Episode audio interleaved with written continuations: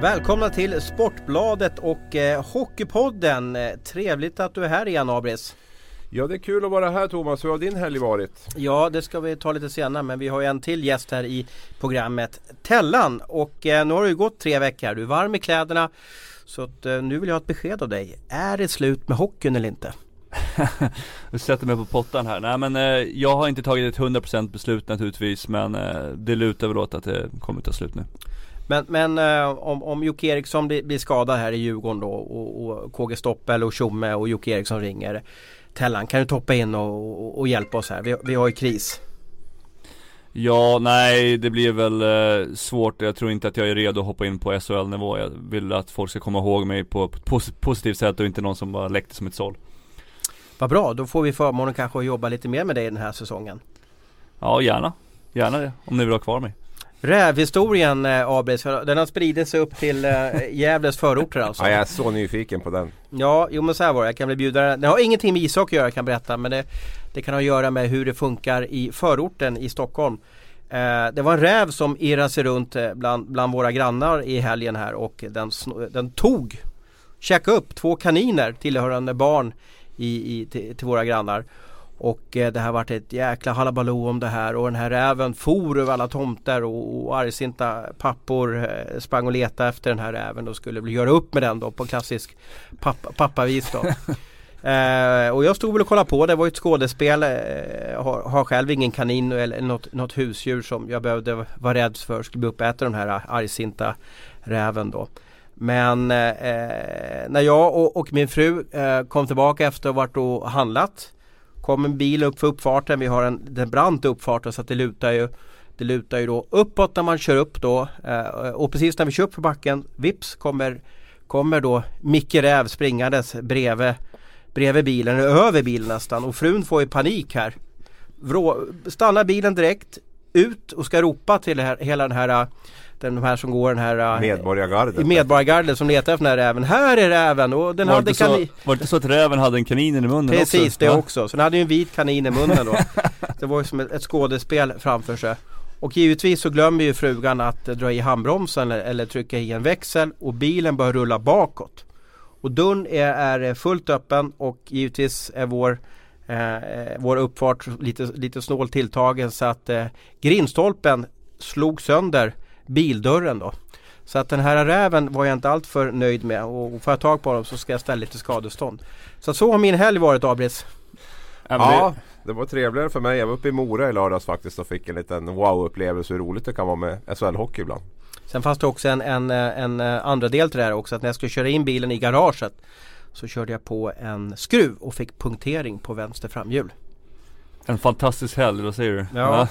Det var då jag skulle behöva Andy Svärd där som vi har pratat om Tellan att, att eh, jag gick och la med sängen och så kikade jag upp i taket i 30 minuter och funderade på hur ska jag ta mig ur den här rävtraumat. Du låg där i fosterställningen men, vad, men hjälp mig du som, jobb, du, du, som har släppt in fyra mål mot AIK säkert i något derby eller någonting. Hur gör ja, man för att komma ur jobbiga stunder?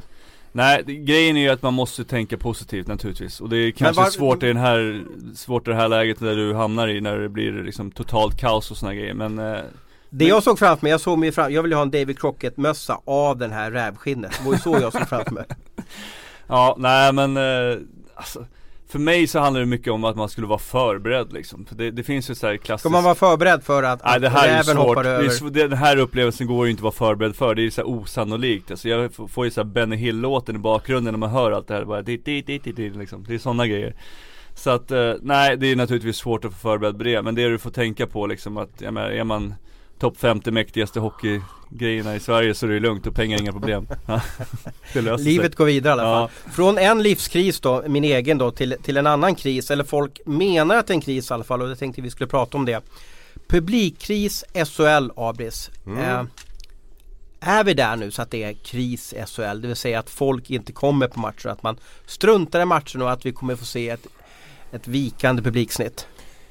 Jag tror att det är eh, varningsflaggorna vajar ganska högt just nu. Jag, jag, jag, känner liksom, vi har pratat om publikkris tror jag de senaste tio åren kanske Thomas som jag jobbar på ja, höstarna. Och man varje höst så brukar jag, det brukar alltid vara någon redaktör som säger Titta där är en tom stol kolla vi måste skriva en krisvinkel här. Ja. Så därför har man kanske blivit lite grann att lugn, lugn, lugn och Inte liksom dra i den här stora växlarna direkt nu och, och börja gapa om kris igen. Liksom. För, för hösten fram till vintertiden faller in brukar vara ganska tuff för de flesta omgångar. De flesta klubbar.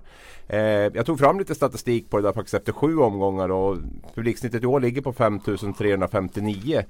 Och det har i princip sjunkit med 500 åskådare om man jämför med sju omgångar 15, 16 och 16, 17. Det är 463 åskådare från 15, 16 och 496 åskådare från 16, 17 då. Eh, mm. Så att det är ju på, på, på, pappret så går det definitivt att säga det är en minskning på 500 åskådare jämfört med de två senaste åren.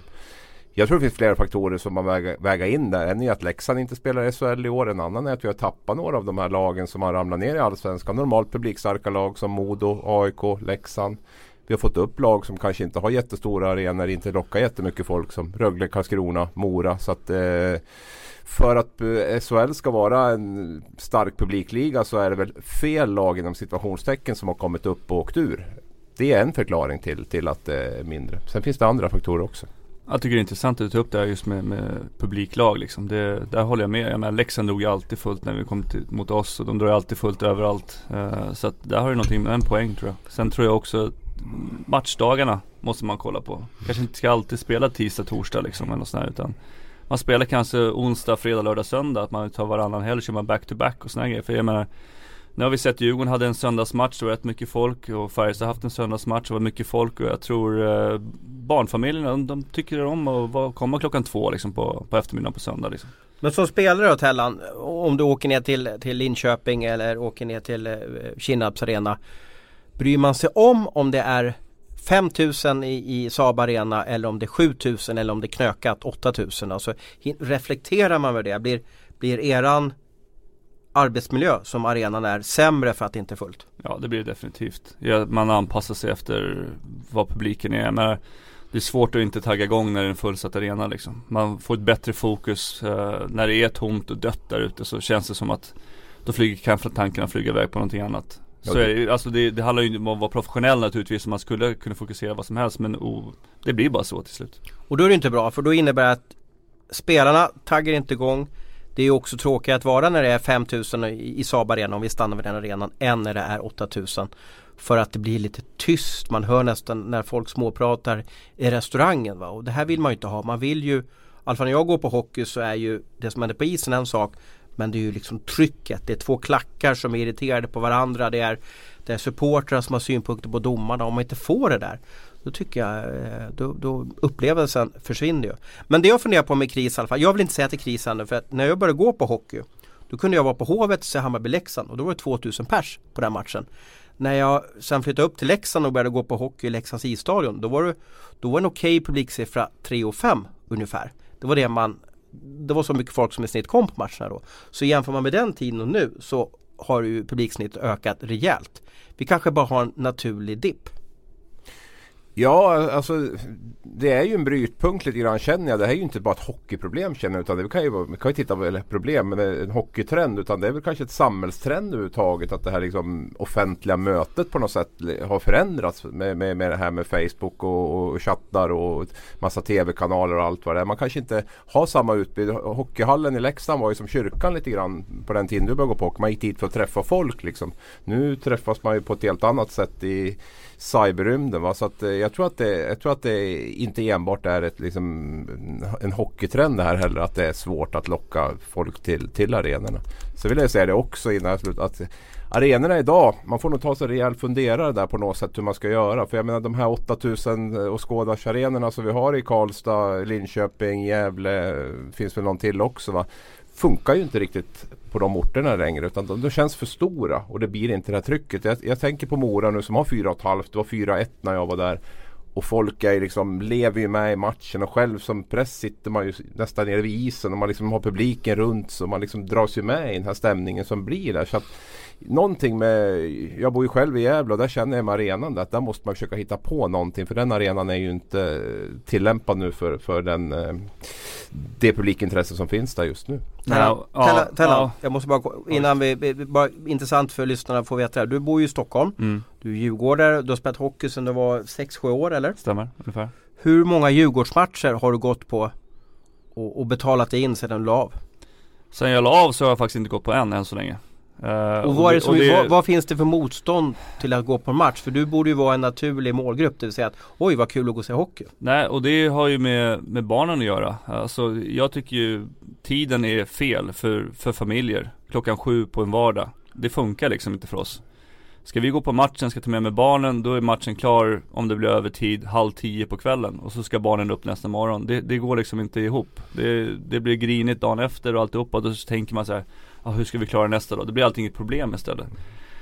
Skulle man börja lite tidigare som man gör i Finland, jag tror att finska matchen börjar klockan sex tror jag. Så skulle man få, det blir lättare på något sätt. Barnen är hemma, kan vara i säng i alla fall vid nio och då är det, det är den här extra timmen gör det stor skillnad faktiskt. Så att jag tror att det är någonting som SHL och, och klubbarna borde kolla på och gå ihop och, och prata sig upp. Och då har vi lokaliserat att vi har i alla fall någon typ av kris vad gäller att locka folk till arenorna. Jag vill också hävda att det här blir ju effekten när vi hockeyn har sålt ut sig så kraftigt till Simor och, och, andra tv-bolag det vill säga och som också har krav på sig att varje match ska sändas. Men jag tror man blir lite bekväm. Du sa att vi, alltså fansen är bekväma. Jag tror klubbar kan bli lite bekväma också. Jag vet Jag har ju ringt runt och pratat lite grann med folk som åker runt. Jag menar det är så här, Det finns ett lag i SHL som har kört samma intro i tre år liksom.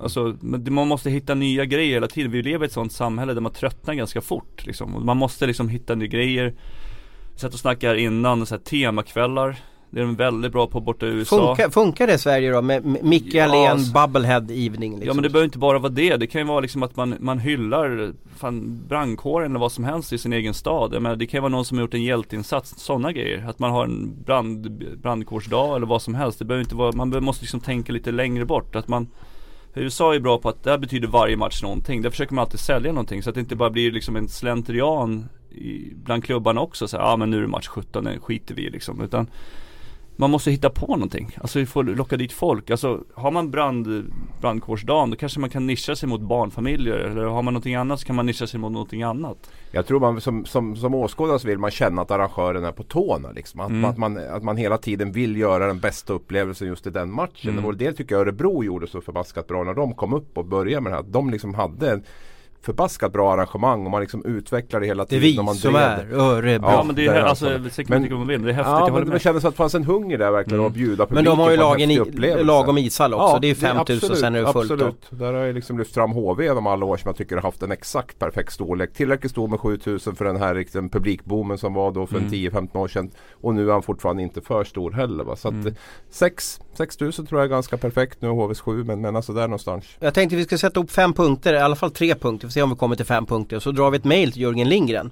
Det vill säga hockey, Hockeystudions eh, eh råd till Så löser vi krisen.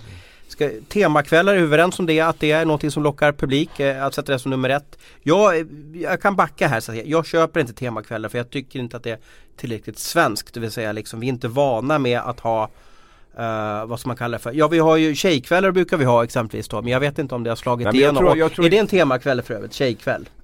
Alltså jag, jag tror att det är ju någonting man kan nischa sig mot tjejer. Alltså jag menar, tjejer tror jag rent generellt, det fanns en undersökning som jag tror att man gjorde i Djurgården om jag inte minns helt fel att att tjejer tycker att det är roligare med hockey med fotboll till exempel. Det är korrekt. Ja. Tjejer gillar friidrott, längdåkning och ishockey Varför nischar man, det, det känns ju som att hockey är en klassisk killsport, manssport Varför nischar man sig inte mer mot tjejer då liksom? Det behöver ju inte vara att det är rosa eller någon sån här grej liksom. Det känns ju väldigt stereotypiskt men att man liksom bara får bjuda dit och sen har man någon middag eller vad, vad det nu kan vara. Liksom, man får liksom höra sig för lite grann. Jag tror inte vi behöver nischa det till temadagar. Det Tellan tror jag menar också att man har olika varianter. Att man liksom hela tiden utvecklar sitt arrangemang och är nyfiken och på tårna. Det, mm. det tror jag liksom är den punkten. Sen om man Sen exakt vad man hittar på där men att det finns en, en hunger att utveckla arrangemanget tror jag. Men ska vi kalla det för, ska vi kalla det för temakväll eller utveckla arrangemang? Utveckla arrangemang är väldigt brett det vill säga det kan ju vara allt från smidigare entréer till, till eh, bättre underhållning på jumbotronen. Eh, bättre arrangemang, det blir så brett som att ha som en punkt. Och jag tycker vi kallar det temakvällen då, det spelar väl ingen roll. Då vet Köper du temakväll ja. ja men kör det. Ja. Det ska vara enkelt. Temakvällar, Bubblehead, eh, Bubblehead, brandkårs Thomas du sa att du gillade Kisscam också, du sa ju alltid att det ler lite ja, grann när det kommer ja, upp liksom. och jag, jag, kan slänga den som nummer två men ni måste ju vara med på det här för att mm. vi kommer, våra namn kommer just under mejlen. Och jag jag kan ju säga att varje gång som jag är i Karlskrona och Växjö Jag vet inte vilka mer arenor i Sverige som har och de kör Kisscam Så sitter jag och, och ler lite fånigt och kollar upp på mediakuben. Jag, jag, det slår aldrig fel. Mm. Men skulle jag skriva det här på Facebook eller, eller Twitter att jag gillar Kisscam så skulle jag få så mycket bajs i brevlådan så att det var helt bisarrt. Mm. Så att jag tycker att Kisscam funkar för mig. Funkar det för er två? Jag har inga problem med Kisscam heller kan jag ärligt erkänna. Jag blir lite så här, de här som är lite skitnödiga och liksom menar på att det bara förstör med Kisscam. Det kan väl absolut vara en del i en upplevelse. Men, men löser Kisscam publikkrisen? Nej det gör det naturligtvis inte. Men det kan ju vara en del i ett, i ett häftigt arrangemang. Sen säger jag inte att alla 14 klubbar ska köra Kisscam. Men om någon klubb nu gör en sån grej så är det väldigt lätt liksom att, att racka ner på den grejen istället för att man har bättre saker själv. Då. Och jag kan tycka att det kan väl absolut funka. Och det är, internationella mästerskap är ju väldigt populärt med de där Kisscam och sånt där. Så att det, det, det kan, jag, jag kan köpa det. När stod, och, och grejen stod... är väl inte att man ska använda jumbotronen. Det är väl lite det det vill hamna, att man använder den lite mer. Men jag var på en Rangers match nu, det är alltid såhär Let's Go Rangers eller vad som helst. Och det, det är ju så små grejer som gör att hela intrycket blir bra. Det är ja. väl där vi vill hamna någonstans, ja. är du med? Lite så är det. Eh, innan vi avslutar med Kisscam där, när du stod som målvakt här och drack vatten och de körde Kisscam i, i Växjö eller Karlskrona eller var det var någonstans. Tittade du upp på, på mediakuben och log eller, eller är du så fokuserad på, på nästa skott? När jag spelade så, så kollade jag inte på jumbotronen överhuvudtaget Men eh, när man satt på bänken och sådär så satt man och kollade upp det Speciellt borta i USA och det var ju alltid ja, Men, men log du då eller, eller tyckte jo, du att det gjorde jag, det gjorde jag också Så det är inte bara du som, jag tycker att det ganska, kan vara ganska kul också Men jag tror inte att det kan lösa alltihopa Men jag tror att det är en del av hela arrangemanget blir bra liksom. Sen sa jag lite grann det här med att man kanske skulle kunna få in lite highlights från andra matcher medan den andra matchen håller igång Alltså det bör ju vara lite så här typ sport, Sportradion liksom det här med att det plingar till och så en, det är en jingel liksom Det behöver inte vara en jingel utan man liksom får se direkt när det blir mål på någon arena så visar man det direkt på jumbotronen Att man får liksom helhetsintrycket och Sen så. förstår jag att klubbarna vill ju visa reklam och sådana när det är periodpauser och sådana grejer Men det kan man väl göra också samtidigt Man ska bara få liksom, jag vet inte om man får göra det överhuvudtaget Får man göra sådana grejer? Jag som vet det? Spontant man får du visa menar, highlights du menar från andra matcher. Tip, tips extra pling på jumbotronen? Typ ja, att man får se vad som händer de andra matcherna. Det tror jag absolut att man får göra. Det får mm. man, men jag tror, att, jag tror att de har ganska mastiga körscheman många klubbar. Det vill säga Franzéns rör ska in, du ska ha eh, någon fastighetsbyrå, alla ska ha sina 30 sekunder. Mm. Sen vet jag under matchen, du var inne på Tellan i alla fall innan vi gick in i studion här, att man skulle nyttja ha eh, bilder, rörliga bilder under matchen. Mm. Det Precis. tror jag inte arrangören vill, för då vill de ju att vi som sitter här på matchen ska hålla på isen, inte på mediakuben.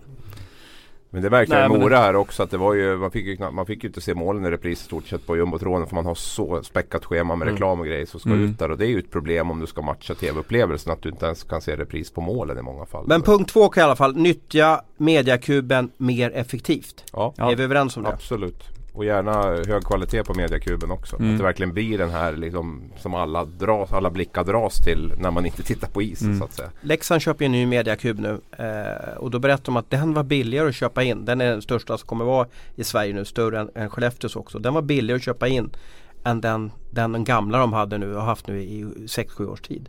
Så att priserna, kostnaderna för att köpa mediakub har sjunkit oerhört.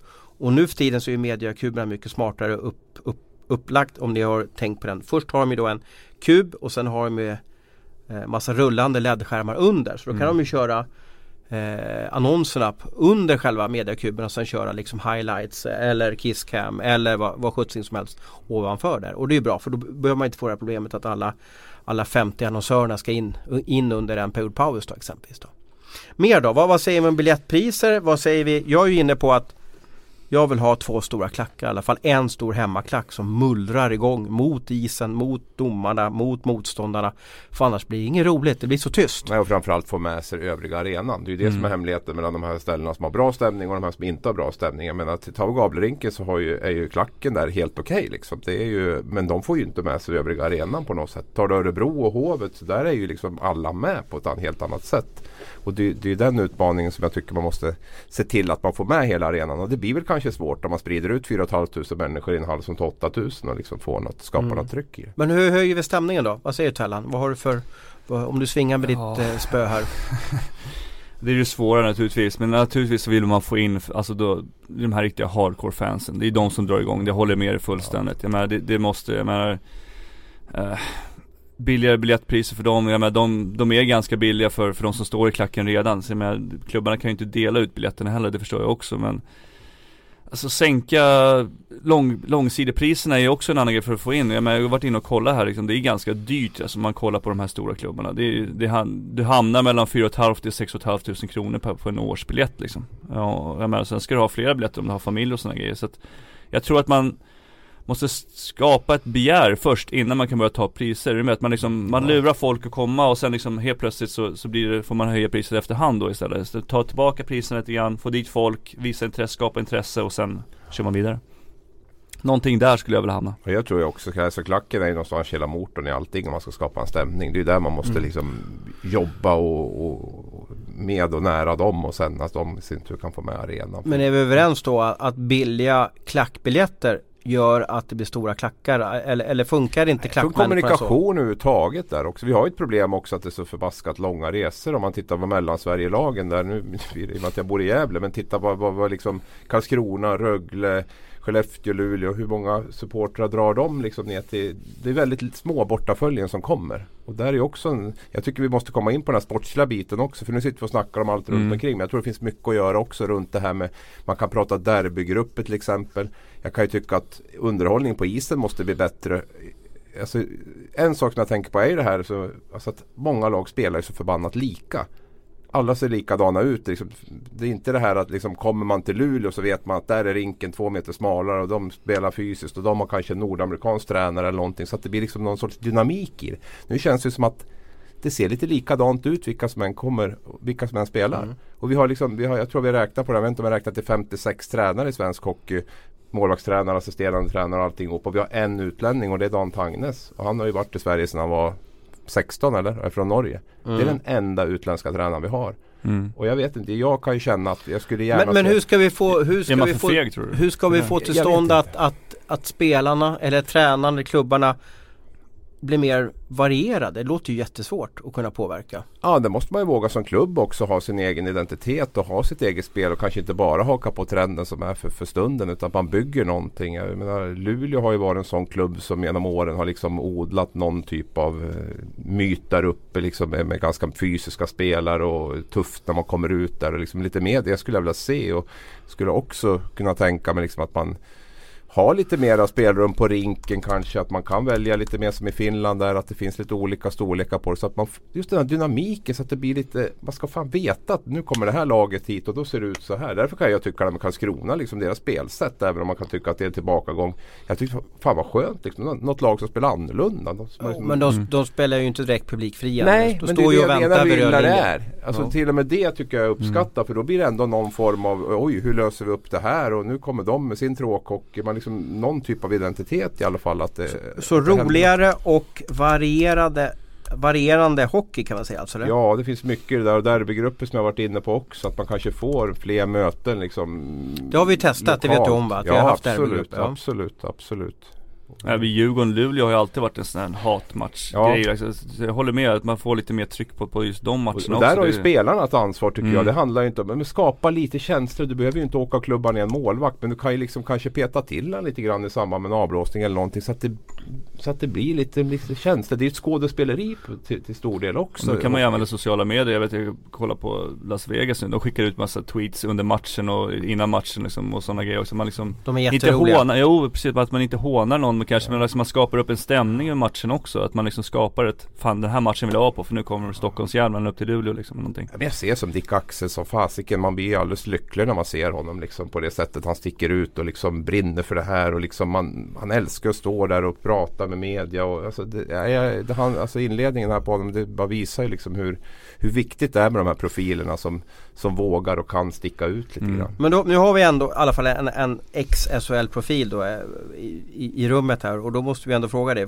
Får du inte sticka ut? Alltså är det, var du rädd för att sticka ut när du spelade hockey i SHL? Vågar du säga vad du tyckte om motståndarens målvakt? Eller kände du att nej, jag vinner ingenting på det?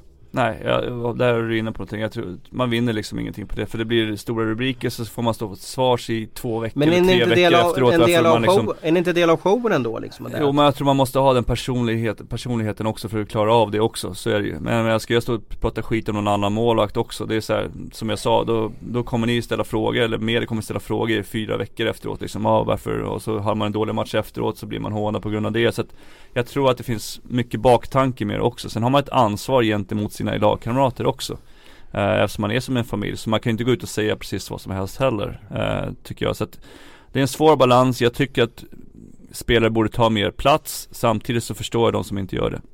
Jag, tycker, jag menar inte heller att man måste gå ut och såga och vara otrevlig efter Men de här små sakerna som skapar lite atmosfär på isen. Sådana som Tollefsen och de här spelarna. Så det behöver inte vara att du är dum där ute. Det kan ju räcka bara liksom. Tellan kan ju bara åka och knuffa till någon spelare efter någon lite grann. Så att man får den där så man känner att fan de här, de här lagen Ja eller slå med målvaktsklubban Spela, spe, Spelarna vågar inte det längre för då åker man på böter också. Så, ja. men det, ja, det ja, finns visst, ju liksom, visst. det finns ju en baksida av alltihopa. Visst vi har fått ner hjärnskakningar men hockeyn kanske inte i hockey Nej. längre. Och jag vill inte att man ska krossa huvuden eller någonting på isen. Jag, jag, menar mer de här små innanför reglerna. De flesta spelare vet ju lite grann vad man kan göra och inte göra. Mm. Men det handlar ju också om ett engagemang. Att man mm. bryr sig lite grann. Att man liksom brinner för det här med hockeyn. Att man brinner för att underhålla åskå åskådarna. Och, och då kan man göra ganska det behövs inte så himla mycket för att det ändå ska bli lite eh, drag på läktaren och att man liksom känner att eh, det rullar inte bara på utan det, det, det, det kan hända grejer. Eh, vi får se hur det blir med, med spelarnas eh, känslor på isen. Det kanske är svårt, det kanske är lite som du säger Tellan att man är livrädd på att åka på böter i alla fall. Men vad säger vi om matchdagar och starttider? Hur skulle ni vilja förändra när matcherna ska börja och vilka dagar tror ni att publiken vill gå på matcher?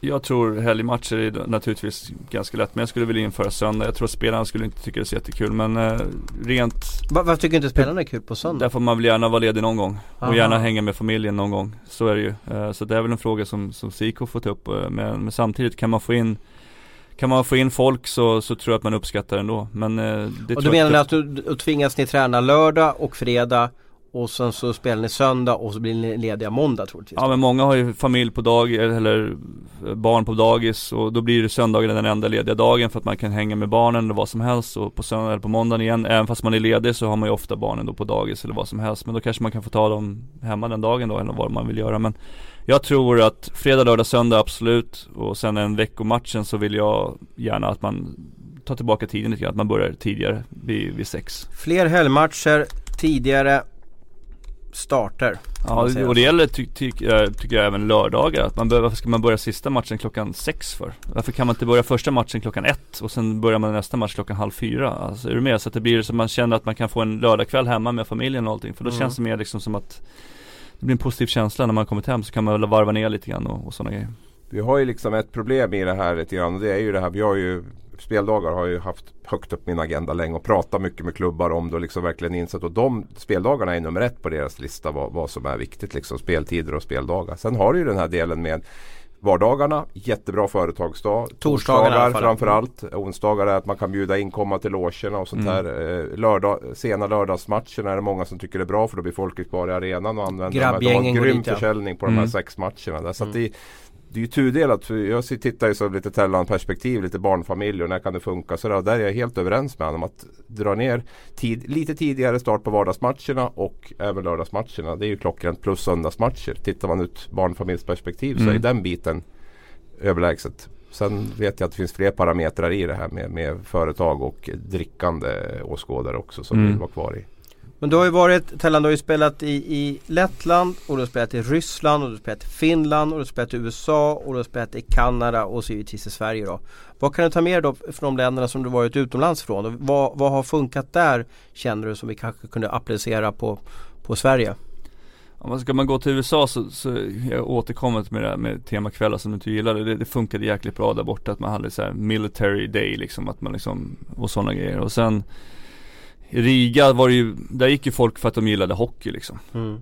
Där var det ju fullt, där behövde man inte sälja in hockeyn på samma sätt utan det är nationalsport De där tutorna liksom. de har hela tiden, de, de, de är ju Ja men de hade, ja jo, det hade de, men de hade faktiskt inte lika mycket sådana där heller men eh, de är jag ganska allergisk mot också de här klapporna som finns och sådana grejer. Jag tycker man kan klappa med händerna men det är en annan fråga. Men eh, så jag har haft ganska tur och Toronto är ju slutsålt också det räcker med bara att Ja det räcker med, ja. det går inte att få en biljett liksom. Jag tror att det är något 500 biljetter de släpper till varje match. Liksom. Resten är säsongskort liksom. Och det går ju arv och arv och arv. Så att, men däremot så i Phoenix så hade man ju problem med det där och, och de temakvällarna som vi hade så var det ganska mycket folk liksom. Mm. Man bjöd dit folk och, och liksom hyllade någon hjälte eller vad det var nu var. Det kan vara någon, någon cancerdrabbad eller vad som helst som, som kom dit eller man hade cancermatch eller någonting sånt liksom. Det behöver inte alltid vara liksom sådär utan man fokuserar och tar in pengar Jag såg en rolig grej i vintras som jag tyckte att undra om det där, eller som jag funderar på, skulle det här funka i Sverige då? Det var Chicago Blackhawks som hade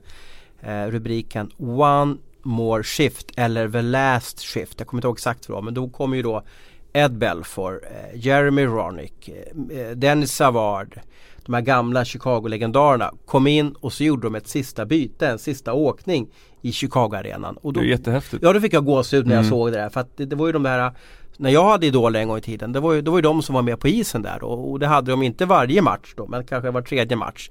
Och då var det lite bass runt det här. Men då, då får de ju också alla de här stora killarna att komma dit. Jag vet inte om, om Djurgården skulle köra sista skiftet skulle, skulle Sudden komma till Djurgården då tror du och, och snurra ett varv där på isen? Ja det tror jag definitivt. Det skulle, skulle det locka folk då tror du eller?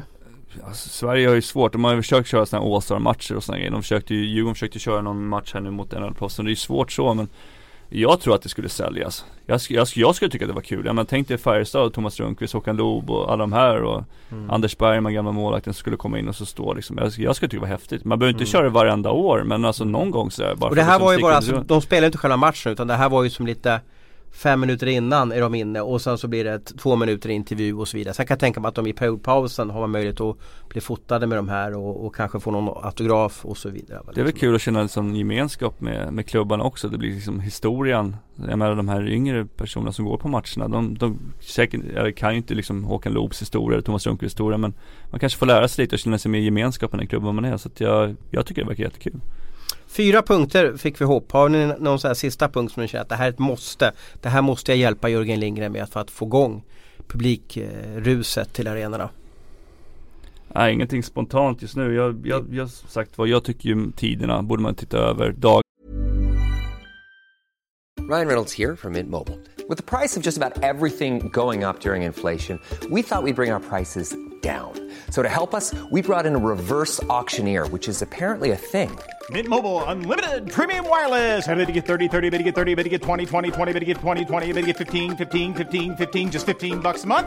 So, Give it a try at mintmobile.com/switch. slash $45 up front for 3 months plus taxes and fees. Promo rate for new customers for limited time. Unlimited more than 40 gigabytes per month slows. Full terms at mintmobile.com. Det är väl de främsta grejerna för mig. Faktiskt. Jag vet inte vad du säger Abris Ja, nej och jag, jag är ju lite inne på det här med, med, med, med spelet och med känslorna och med, med, den biten där. Och det är ju också en sån, jag menar det, det, det känns ju som att det finns inte utrymme längre idag för de här artisterna på det sättet som det fanns förr. Liksom en sån som Pavel Brender till exempel som inte alltid jobbade häcken av sig hemåt men som var en spelare som drog blickar till sig och som verkligen kunde göra saker som ingen annan kunde göra. Vi, vi har ju mer eller mindre städat bort den typen av spelare i svensk hockey. I och med att backcheckar du inte järnet här oavsett liksom hur många poäng du gör så, så, så får du inte vara med i, i ett lag. Men det är ju, Altonen är ett exempel. Chad Kolarik smällde in 30 mål för Linköping för några år sedan. Enda Magnello på var hans backcheck. Vilket, den var inte bra heller. Men frågan är, finns det utrymme för de här spelarna som är mer än maskiner? Liksom, ja, och skulle han jobba järnet hem skulle inte han orka anfalla sen. Nej, men han skulle absolut inte kunna bjuda på de sakerna som, som han skulle kunna göra. Men fotbollen är det otänkbart liksom att en spelare som Zlatan ska, ska jobba järnet 80 meter ner till straffområdet liksom, mm. och, och, jaga hem. Men här, här ställer vi de kraven och då får vi lite grann det vi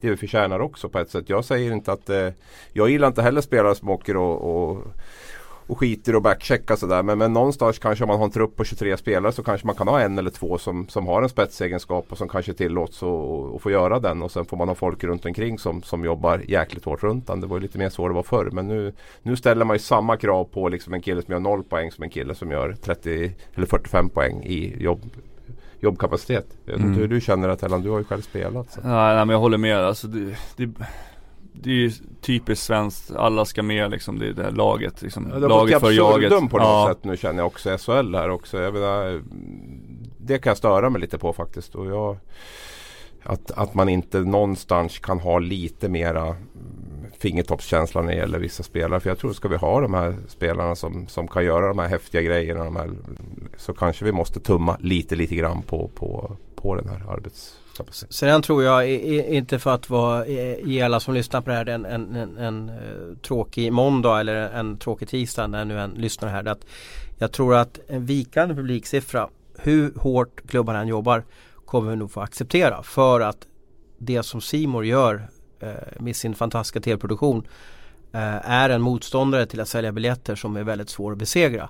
Man ser så oerhört bra framför tvn. Man har 10, 11, 12 HD-kameror som ser varenda centimeter, varje millisekund av vad som sker där ute. Det är hemskt. Det går knappt att, att, att, konkurrera med. Man ser så bra i soffan. Du kan pausa, gå upp och hämta en läsk eller vad du nu vill dricka, hämta chips. Du kan gå på toaletten och du behöver inte stå och köa när du går på toaletten. Du har det oerhört bra i hockeysoffan där hemma och det tror jag inte, jag, jag tror, det spelar ingen roll vad klubbarna gör så får man se tyvärr lite vikande siffror. Om de inte lyckas förändra sporten radikalt så att säga och då kanske de måste införa sådana eh, drastiska grepp så att de tillåter lite tuffa tacklingar exempelvis. För när är publiken skriker mest, när är man mullrar igång så att säga. Ett fantastiskt snyggt mål men det är också hårda tuffa tacklingar, då, då mm. tjuter ju alla. Absolut. Ja, men, jag håller med. Ja, men, ja, förlåt. Nej, men, kör, kör, kör, men, kör För det är ju så, ja, men, när det är mest publik och när det mest drar på matcherna är ju under slutspelsmatcherna. Och jag menar, vi sitter ju alltid och pratar om att det görs för lite mål och bla bla bla och sådär. Men jag, jag tror också att de, de roligaste matcherna är ju de matcherna som blir 1-1, 2-2 när det är mycket fight och det är mycket tacklingar och det är mycket slashingar som du säger, man skriker på varandra och när det verkligen gäller någonting. Känslor. Så, känslor, precis. det behöver liksom inte vara att man är dum, man behöver inte slå av någon armarna men du kan i alla fall vara där på ett sätt liksom som att eh, Ja, som ett skådespeleri lite grann tycker jag. Mm. Ja, och en handske i ansiktet ja, och, och brotta ner ja, lite lugnt ja. och så i alla fall.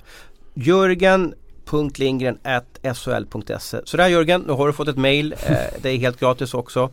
Lycka till att fylla arenorna.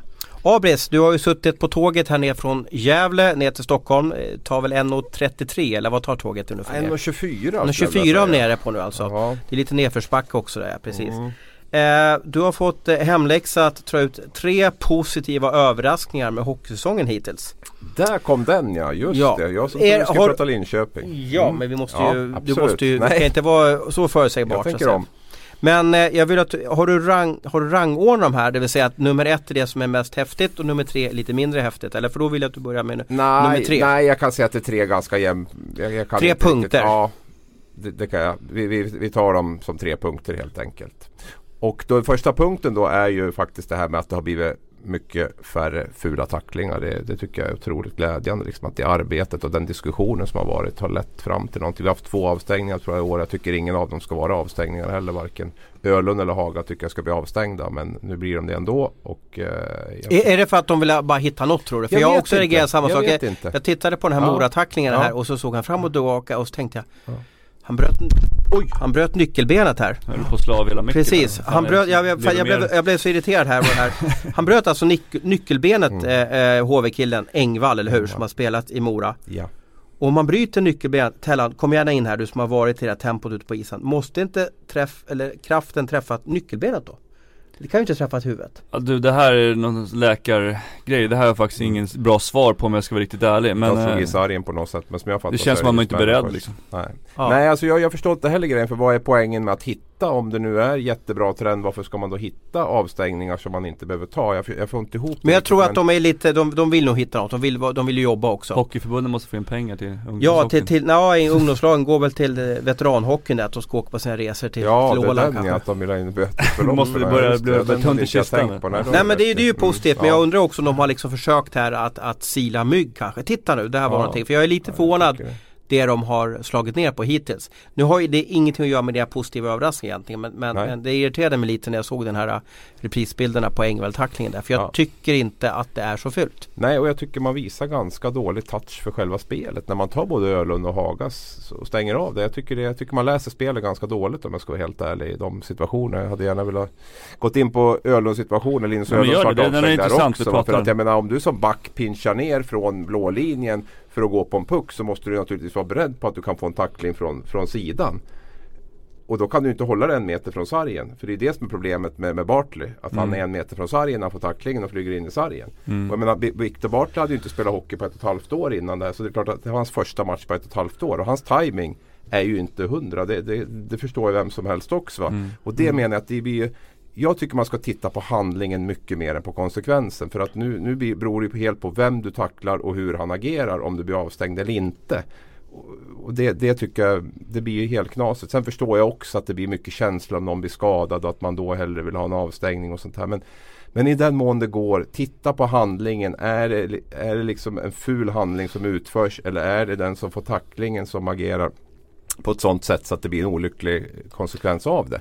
Nu fick Ölund mindre matcher menar man på på grund av att Bartley, mm. Bartleys agerande. Men han varit ändå avstängd två matcher. Och jag tycker mm. Haga nu uppe i, i, i Mora där det är precis samma sak. Jag tycker det är riktigt dålig touch måste jag säga. Och anmäla nu nu tog du med det här som en positiv punkt. Ja, jag vet, nu, nu hamnade vi plötsligt i en negativ punkt här då. Men, men kan inte, innan vi avrundar och tar nästa punkt där, kan det inte bli så att du ser inte, inte så många avstängningar hittills. Men har inte det att göra med att folk inte vågar tacklas eller, eller, eller väljer, jag väljer tillfällen att man, att man oj nu kan jag tackla honom men äh, jag glider med och försöker ta pucken istället. Ja, men om det är en konsekvens av att jag tar hellre det under en period nu tills vi liksom har hittat en bättre nivå. Fast då har vi ju innebandy framför oss. Nej, det har vi inte alls. Utan det, det smäller fortfarande där ute. Och jag tror också att vi kommer att få tuffare spel. Men som det var för två år sedan och för ett år sedan så var man tvungen att dra i nödbromsen. För vi kan inte ha liksom 40 huvudtacklingar på en säsong. Då får det hellre bli noll huvudtacklingar, inga tacklingar under en period. Det var någon som sa det här med damhockeyregler.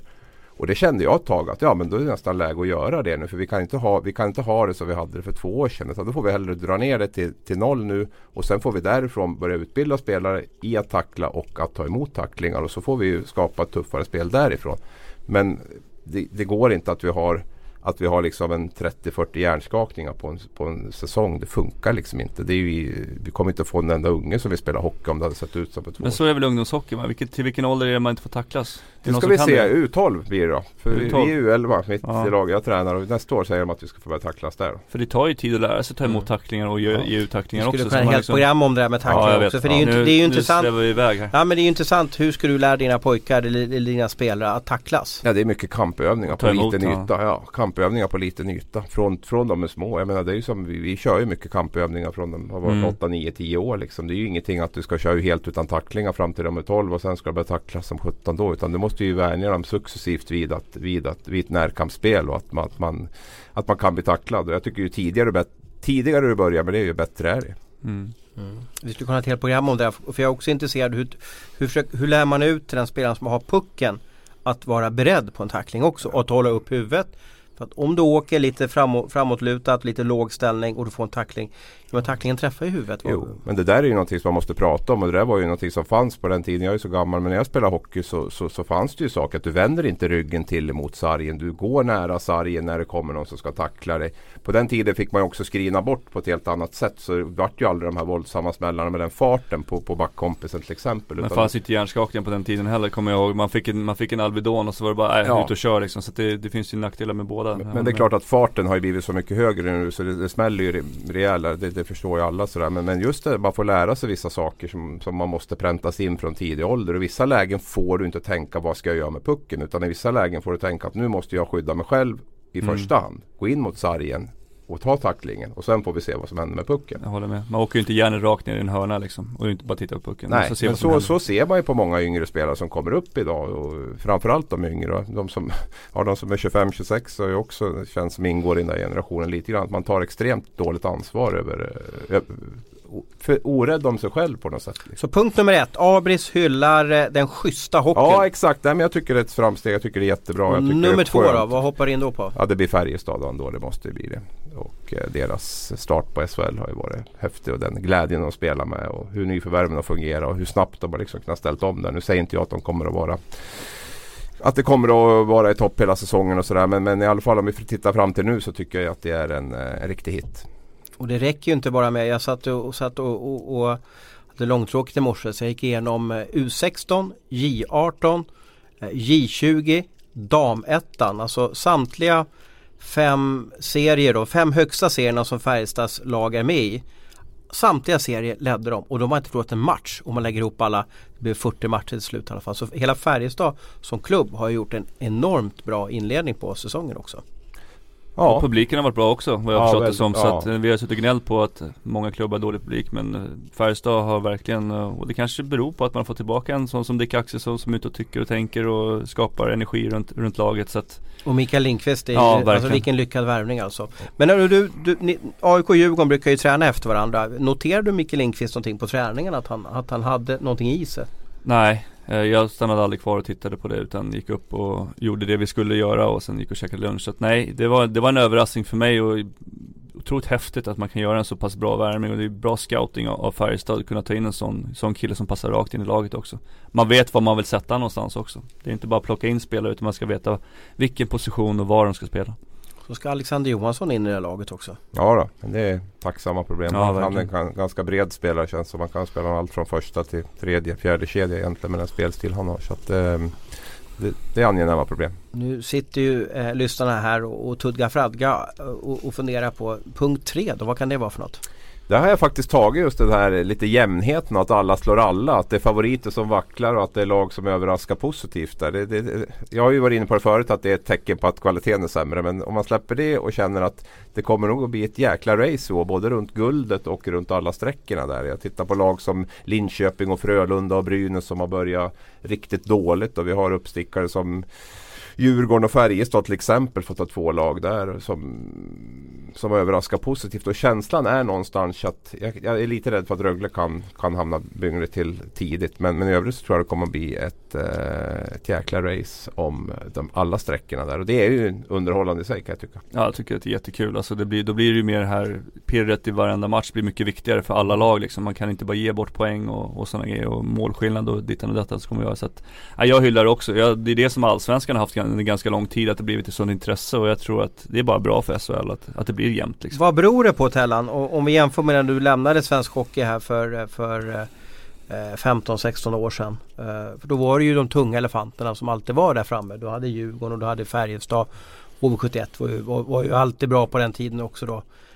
Men, men idag så är det ju nästan nya finallag hela tiden. Skellefteå hade ju en epok där som de var, var väldigt långt framme. Men vad är det som gör att, att det är jämnare nu då?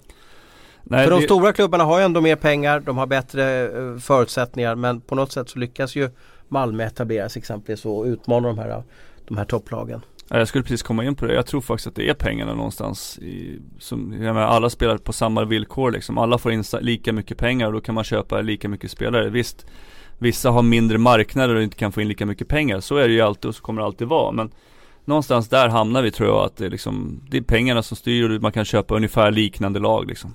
Uh, sen tror jag att, bara för att det är så jämnt i år också, att vi får in bra spelare, är för att det är ett OS-år också, att NHL troligtvis inte kommer ta sina spelare dit och, och jag tror att många ser SHL som en plattform att visa sig också ut mot sina för, respektive förbundskaptener. Så det ska vi vara tacksamma för att det, att det är så här jämnt och många spelare vill hitta sig hit. Nu fick ju inte du göra någon lista här Tellan, men om du ska ta ut en sak som du har varit, tycker har varit roligt och, och, och positivt med den här säsongen, vad, vad lyfter du fram då?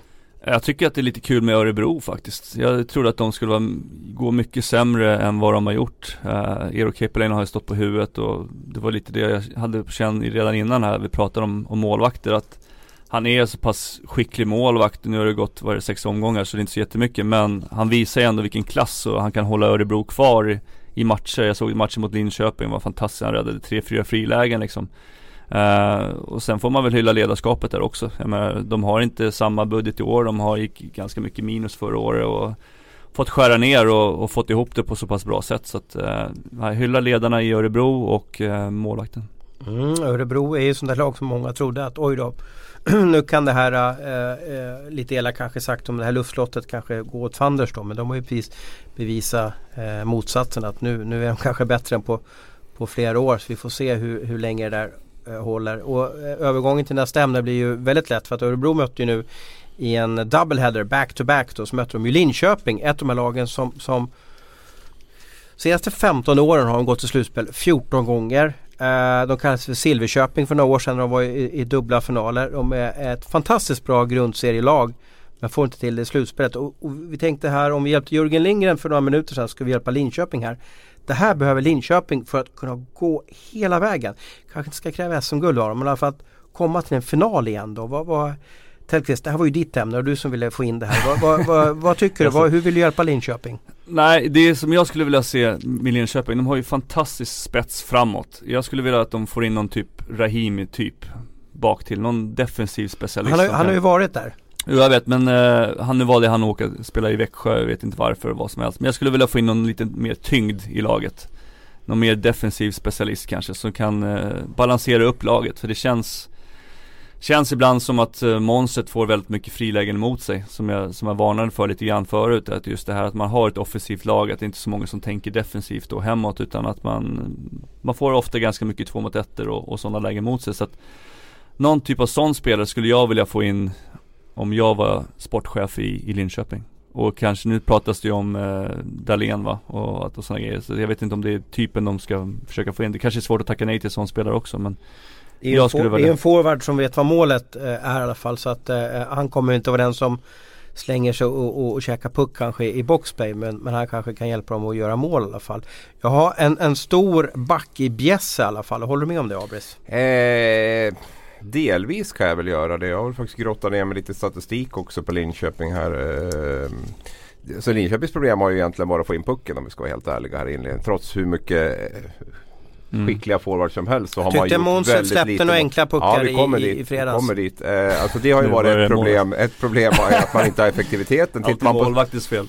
Precis, tittar man på statistiken så har ju Linköping skjutit flest skott av alla lag. Man har skjutit 245 på mål och man har 217 dessutom som är blockade eller utanför. Och det ligger man i topp även där. Man har alltså drygt 30 skott på mål per match.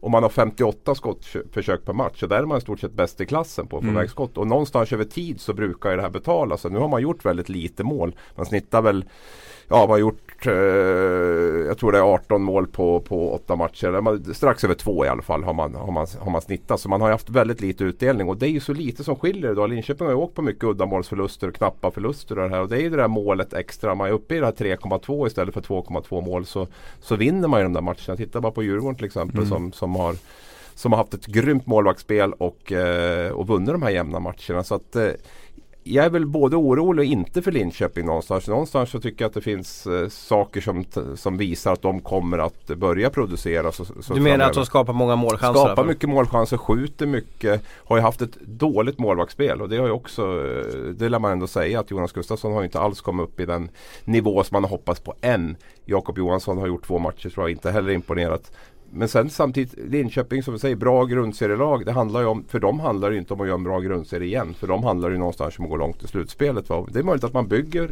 alltså Jonas Gustafsson är ju inte ditvärvad kanske för att för att rädda matcher i november utan han ska väl vara den här målvakten som går in i slutspelet. Där. Tony Mårtensson, Niklas Persson, Derek Roy. De spelarna också är ju någonstans med där för att vinna i slutändan. Så att, eh, Linköping är det lag som har släppt in näst mest mål faktiskt. Ja visst, det är bara Rögle som är sämre och de går ju nästan utanför Totton eh, på grund som de har spelat. Och, och det med, med Jonas är ju, nu får jag försvara målvakten här för att det är ju så att eh, som jag sa att det är väldigt mycket frilägen och bla bla, bla. Han släpper, som du sa, släpper några dåliga mål men Eh, Jonas har inte spelat så himla mycket matcher heller senaste 4-5 åren. Har varit lite skadad och, och, och var som målvakt Det har ju inte bara hur man gör på isen utan man, man förbereder sig på ett helt annat sätt när man är nummer ett också. Och det kommer ju liksom ta tid för han att komma in igen. Även fast han har det, det sitter ju i ryggmärgen för han. Och det jag menar med att man förbereder sig är att liksom man käkar på ett visst sätt, man går igenom matcherna på ett visst sätt när man vet att man ska spela. Spelar man inte så är man mer avslappnad, man kanske går runt och skämtar lite grann, går och spelar lite tvånöd men sådana grejer tar tid också att komma tillbaka i också. Att få det här mentaliteten om att man, att man är nummer ett igen och man ska spela varenda kväll. Och det, det tar lite tid och jag tror vi får ha lite tålamod där med monstret. Och jag tror att han kommer vara grym för, för Linköping sen. Ja absolut och det är guld värt att ha en sån som Tellan här som liksom har i princip gått igenom exakt det, det, det Jonas Gustafsson gör nu. Mm. Och får liksom den inblicken här. Och jag säger som sagt, jag Linköping startade jättetrögt förra året också. Jag tror man hade, man hade sju poäng efter sju matcher och man hade tio poäng efter, på nio matcher. Och nu har man nio poäng på åtta matcher. Så, att, mm. så starten är jämnbördig med den som var förra året. Och man kom ganska högt upp i tabellen ändå. Skaffade sig ett bra utgångsläge inför slutspelet. Där man hade Brynäs i kvarten och hade väl en god chans på förhand i alla fall att vinna den. Så att eh, någonstans så, så handlar den här säsongen mycket om vad Linköping kommer att göra i slutspelet. Hur levererar monstret då? Hur levererar Tony Mårtensson då? Hur levererar Niklas Persson, Derek Roy eh, och de spelarna? Den perioden. För det är där någonstans Linköping har något att bevisa. Jag vet inte, mm. liksom en tredje plats eller en andra plats. Det är ingen som kommer ihåg om tio år. En sån Nej, så. men lite så. Däremot tror jag man kanske att man måste göra lite förändringar på resans gång. Här. Patrick Mullen, backen där har inte alls fungerat. Mark Sengeli tror jag inte har gjort en enda poäng än. Där kanske man måste vara ganska tuff och, och liksom välja, eh, inte nu men, men längre fram och kanske göra sig av med de här spelarna och kanske plocka in andra spelare. För att ska man gå hela vägen så måste det ju vara tipptopp lagbygget också. Där mm. måste nog Linköping vara ganska ganska tuffa och konsekventa när det gäller det där. Att har man spelare som man känner att det här, de här kommer inte att, att hjälpa oss då, då får man nog försöka göra de förändringarna. Linköping har alltid varit den här klubben, i alla fall så länge som jag har bevakat dem, som, som har levt på en superduo. Man hade eh, Mårtensson och Weinhandel för, för eh, en tio år sedan som, som vann poängligan år efter år. Men, men ja, de tog dem till slutspel. Eh, de tog dem till en topposition i SHL. Men de, det vart ju aldrig något guld. För att har du en toppkedja som är ganska lätt att ta bort. Sen har de Albrandt och sen har de Brook Little som, som med varsin lekkamrat som var extremt skickliga och kom topp 5 i poängligan. Nu i år har ju Linköping tänkt om. Nu ska de inte ha en toppkedja, nu ska de ha fyra jämna kedjor alla kan producera. Men jag funderar på, är det verkligen så smart så att säga? För nu har de fyra kedjor där ingen producerar. Ja, alltså det, det, här är ju ledarskapsfråga igen. Alltså jag, jag, tycker att man ska ha två producerande kedjor och sen två kedjor. En, kanske en tredje som kan producera också. och en som spelar defensivt, går ut och förstör för de andra, andra lagens bästa kedjor. Uh, där någonstans hamnar jag. För att Eh, tar man in för mycket bra spelare så är det svårt att ge dem istid och så blir det gnäll på att man inte får tillräckligt med istid och så sipprar det igenom laget och så blir det bara dåligt till slut. Utan man kanske ska titta över de här spelarna då som, som inte har gjort det så bra och ge dem kanske en tio matcher till och sen får vi se vad man, vad behöver. Jag menar, nu säger du att Linköping skjuter väldigt mycket skott, men vad är det för typ av skott? Är det någon skymmare framför? Är det någon som kan ta den rollen liksom? Eller spelar man på utsidan bara? Jag tänkte på Olimps och dem, liksom, hur, hur många av dem är det som kliver in framför mål och, och tar det jobbet också? Så att där tror jag att någonting eh, Linköping ska titta på också, att man får in folk på mål. Och för dagens målvakter är så pass skickliga så att ser de pucken så stoppar de oftast. Och jag tror ju också som Tellan säger, det är väl optimalt om man har två femmor som två kedjor som kan producera. Problemet för Linköping har ju varit att man har tänkt så men de här kedjorna har inte levererat i slutspelet. Vi hade ju Tafe och McFlicker där mm. för, no för något år sedan. Vi hade ju Rowe och Little i år, mm. förra året. Alltså deras topp 6-spelare levererar ju inte alls förra året. Där. Så det, ska man ha så då måste, man ju, då måste man ju vara säker på att de levererar i slutspel också. Annars är det nog bättre att gå på en forwardsuppställning liknande den Brynäs hade eller den HV hade förra året. Som är, där det är utspritt med på, på fyra kedjor. För då är det ju inte lika sårbar om de här börjar att vackla. Nej, men tänk vad häftigt det är med hockey nu. Vi, vi leker med tanken nu att, och, och, vi är inte där ännu utan det är fortfarande bara på spekulationsnivå. Om Dahlén signar där. Men tänk hur bara en spelare kan gå in och förändra hierarkin och få kanske en kedja att bara fungera perfekt. Och sen en annan ytterforward flyttas ner till en, en, en, annan kedja och så funkar den kedjan också. Tänk vad en spelare kan bara säga pang, varsågod. Lite som det vart när, när eh, Ullström kom hem till HV71 i fjol. Va? Hur liksom hela hela dragspelet bara liksom mm, fungerar mm. perfekt. Så att det, eh, det kan ju vara väldigt nyttigt där om man får in en ny spelare också. Sen tror jag Linköping måste få in lite mer tuffhet om de ska gå långt. Jag är helt inne på det på mm. backsidan. Kanske även forwards. Man har Sylvegård liksom som kör lite som forward. I övrigt är det ju väldigt eh, skickliga, ganska små spelare. Som, så att eh, de behöver nog tänka om, tänka till lite grann. Där Dahlén är ju definitivt ingen sån spelare som liksom går in så. Det är ju också en skicklig spelare som, som är väldigt duktig runt målen som, som kan Spela göra mål. på utsidan lite mm. mm. Ja, så han är duktig att ta sig in också så. Men, men, men det är ju inte den här, det är inte den här fysiska kraften som, som man kanske behöver ha. Så att eh, ha, absolut med mm. den här backen som du pratar om där. Att man, man behöver få in lite grann den typen framförallt för slutspelet tror jag. Mm. Växjö, Växjö vet jag kände sig jävligt uppkäkad av Noah Welsh förra året liksom, i den matchen mot Malmö där liksom. Och det ja, de två tuffa backar också. Ja, mm. så att eh, Ja, de har plockat in två tuffa Växjö här va. Så mm. de har ju liksom de, Och de bygger ju alltid för liksom för att vara bra i slutspel och gå för guldet där. Mm. Så att det, det, det, är också ett tecken på vad, vad man gärna vill ha in där. Kanske vi skickar det där mejlet till eh, Fredrik Amvall då och skickar med faktura också. Så vinner ni SM-guld. Ja, jo, jag, har, jag har pratat lite med Linköping genom åren här.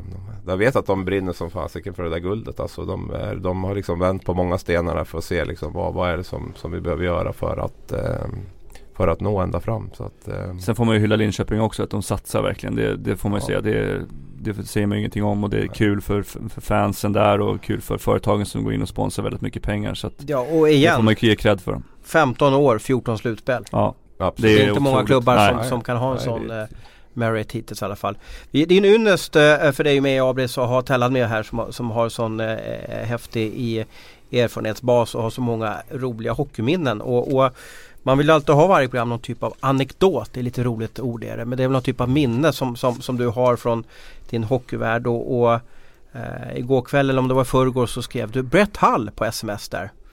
Och jag funderar på vad, hur, hur har Tellans liv eh, korsats med, med den grode, goda amerikanen Brett Hull som hade ett eh, fruktansvärt skott och, och eh, ja, jag vet inte. Jag hade inte velat vara målvakt när man mötte honom i alla fall. Nej, min karriär korsade faktiskt inte hans karriär. Jag vet, han, samma år som jag kom till, till Phoenix, eller var året efter så var det Wayne Gretzky som, som bjöd dit han på någon camp. Han hade inte spelat året innan och ville att han skulle komma och spela för, för han och ge en chans till. Och han spelade bara fem matcher i år. Men att det, storyn var väl att han hade väl haft en riktigt bra sommar och käkat lite mycket bearnaisesås när han kom dit. Så att eh, han var inte riktigt redo men Uh, min historia den går faktiskt till när han spelade i St. Louis uh, Och det var väl det han var som bäst också kanske? Ja verkligen, han var ju superstjärnan öste in 70 mål, han har gjort vad, 741 mål genom sin NHL-karriär vilket är helt enormt och Hockey Hall of Fame och Sen fick han då en tränare i Mike Keenan som hade precis kommit från uh, New York Rangers Iron Mike Och vunnit säkert guld, Stanley Cup där med Precis, och det vart väl inte riktigt bra uh, Och min historia börjar då med att uh, eh, St. Louis får en uh, för många spelare på plan utvisning Brett Hull är på isen, åker och sätter sig på bänken Varpå Mike Keenan kommer fram och talar om för Brett att gå service penalty, alltså gå och ta det liksom, tjäna det här vet du, åt oss, vårt lag. Varpå Brett säger No way, säger han bara, no way. It's not my job, säger han bara. Och Mike Keenan fortsätter och de står och tjafsar ett tag. Domaren kommer fram liksom att, nej kom igen nu. Och så till slut så puttar då Mike Keenan över Brett och Brett åker över, ser lite grinig ut och sätter sig ute vid sitt båset. Två minuterna går, båsdörren åker upp. Brett Hull sitter kvar i, på utvisningsbåset, vägrar hoppa in. Och spelet fortsätter ju 5 mot 4 liksom och det här pågår ju tydligen enligt historien i 30, 40, 50 sekunder till. Varpå det blir en avblåsning, Brett Hull ställer sig upp, åker till utvisningsbåset. bås Mike Keenan är tokig, han har ju stått och skrikit på honom och kom fram Vad är det som händer? Mike I told you I don't serve penalties in this League sa han Och så satte han sig ner bara, så kör de vidare bara så att han, uh, han tog inte en för laget där kan man säga. Han det var, vägrade Det var två pampar som, som ja, hade lite, lite tuppfäktning där Två egon som gick rakt mitt emot varandra som vägrade. Så att um, det finns mer, mer historia om Brett Hull. Han hade ett bra skalle. Lite tufft att gå mot Mike Keenan då i alla fall. Det, det vet du sjutton om, om jag hade vågat som hockeyspelare. Lite tufft att gå mot Brett Hull tänkte, trodde jag det skulle säga faktiskt. Därför han hade ju ganska hög status där också. Ja, det var ju, två, det två var skallar som stångades. Ja. Vad ville Keenan uppnå med det här tror du Tellan? Nej, det vet jag faktiskt inte sådär men jag tror att han ville liksom att ingen var odödlig i hans lag utan eh, det var han som var chefen liksom. Det var han som var diktatorn i laget om man får se det uttrycka det så. Att det var han som bestämde. Är det korrekt då? Är, är det så att uh, tränaren ska ha en sån makt eller ska man särbehandla stjärnorna? Ja, I Sverige så är det väl så att man skickar oftast någon junior eller någon annan som över för liksom, som inte behöver ta den rollen liksom. Så att, uh, nej men jag kan väl tycka så här i efterhand att det var som du säger, det är en tuppfäktning mellan två stora, två stora män liksom, men eh, onödigt. Gjorde han några mål på det en gång, Brett Hall? Nej, jag, han har aldrig spelat mot han tror Detroit jag. Eh, var han ju där, dina ja, sista Ja, det är möjligt att han gjorde det faktiskt. Men jag var mest med i farmarlaget de första åren, så att det gjorde han säkert. Har du mött Brett Hall någon gång? Inte direkt. Jag vet att Men. vår kollega här Mats Wennerholm skrev om, om eh, Brett Halls enda VM Eh, Eh, det var alltså eh, så långt tillbaka som 1986. Det var ju då när Musk gjorde de här berömda två målen på, på de ut mot Finland. Då. Men då, då berättade vänner om att han träffat Brett Hall ute stort sett varje kväll i Moskva. Men ändå så gjorde han 11 poäng på 10 poäng och, och, och förmodligen vann eh, interna poängligan där för USA. Så det var en fantastisk hockeykille. Eh, men det var lite andra tider då, var det inte det Tellan då? Att på 80-talet, 90-talet så kunde det vara det här liksom lite, lite bra skott och, och, och sådär va. Men idag tror jag inte riktigt det funkar, eller är jag fel ute? Alltså det finns ju de, det måste ju säkert vara mer en komplett spelare idag. Alltså, man är ju mer noggrann. Alltså alla de som höll på på, på 80-90-talet, de sitter ju som sportchefer nu. Så att de, de, vet ju hur allting funkar. Så att de har nog mer koll på killarna idag än vad man hade förr i tiden tror jag. Jag menar nu med mobiltelefoner och alltihopa, det går ju att få tag i alla på ett helt annat sätt. 80-90-talen när man var ute och härjade på roadtrips och sådana grejer så var det ju bara telefonen på hotellrummet man kunde få tag i folk liksom. Så att eh, då såg man ju till så att det man hade hört, det såg man ju till att man hade en junior som svarade telefonen och sa att alla var på hotellrummet liksom. Så mm. det, var, det var lugnt. Det var bättre förr. Nu, nu, ska jag hem och jaga en räv. Vad ska du göra efter det här Tellan? Nej jag ska på ett möte faktiskt och käka lunch. Det är min, så det är ingen, inget upphetsande så. Och Bruce, du sätter dig på tåget och drar hem till Gävle? Ja, nu ska vi väl lägga upp resten av arbetsdagen här kan jag tänka mig. Så vi får väl se när, när tåget går hem. Tack för att ni hade tid idag och eh, jag lovar, vi syns om eh, en vecka igen.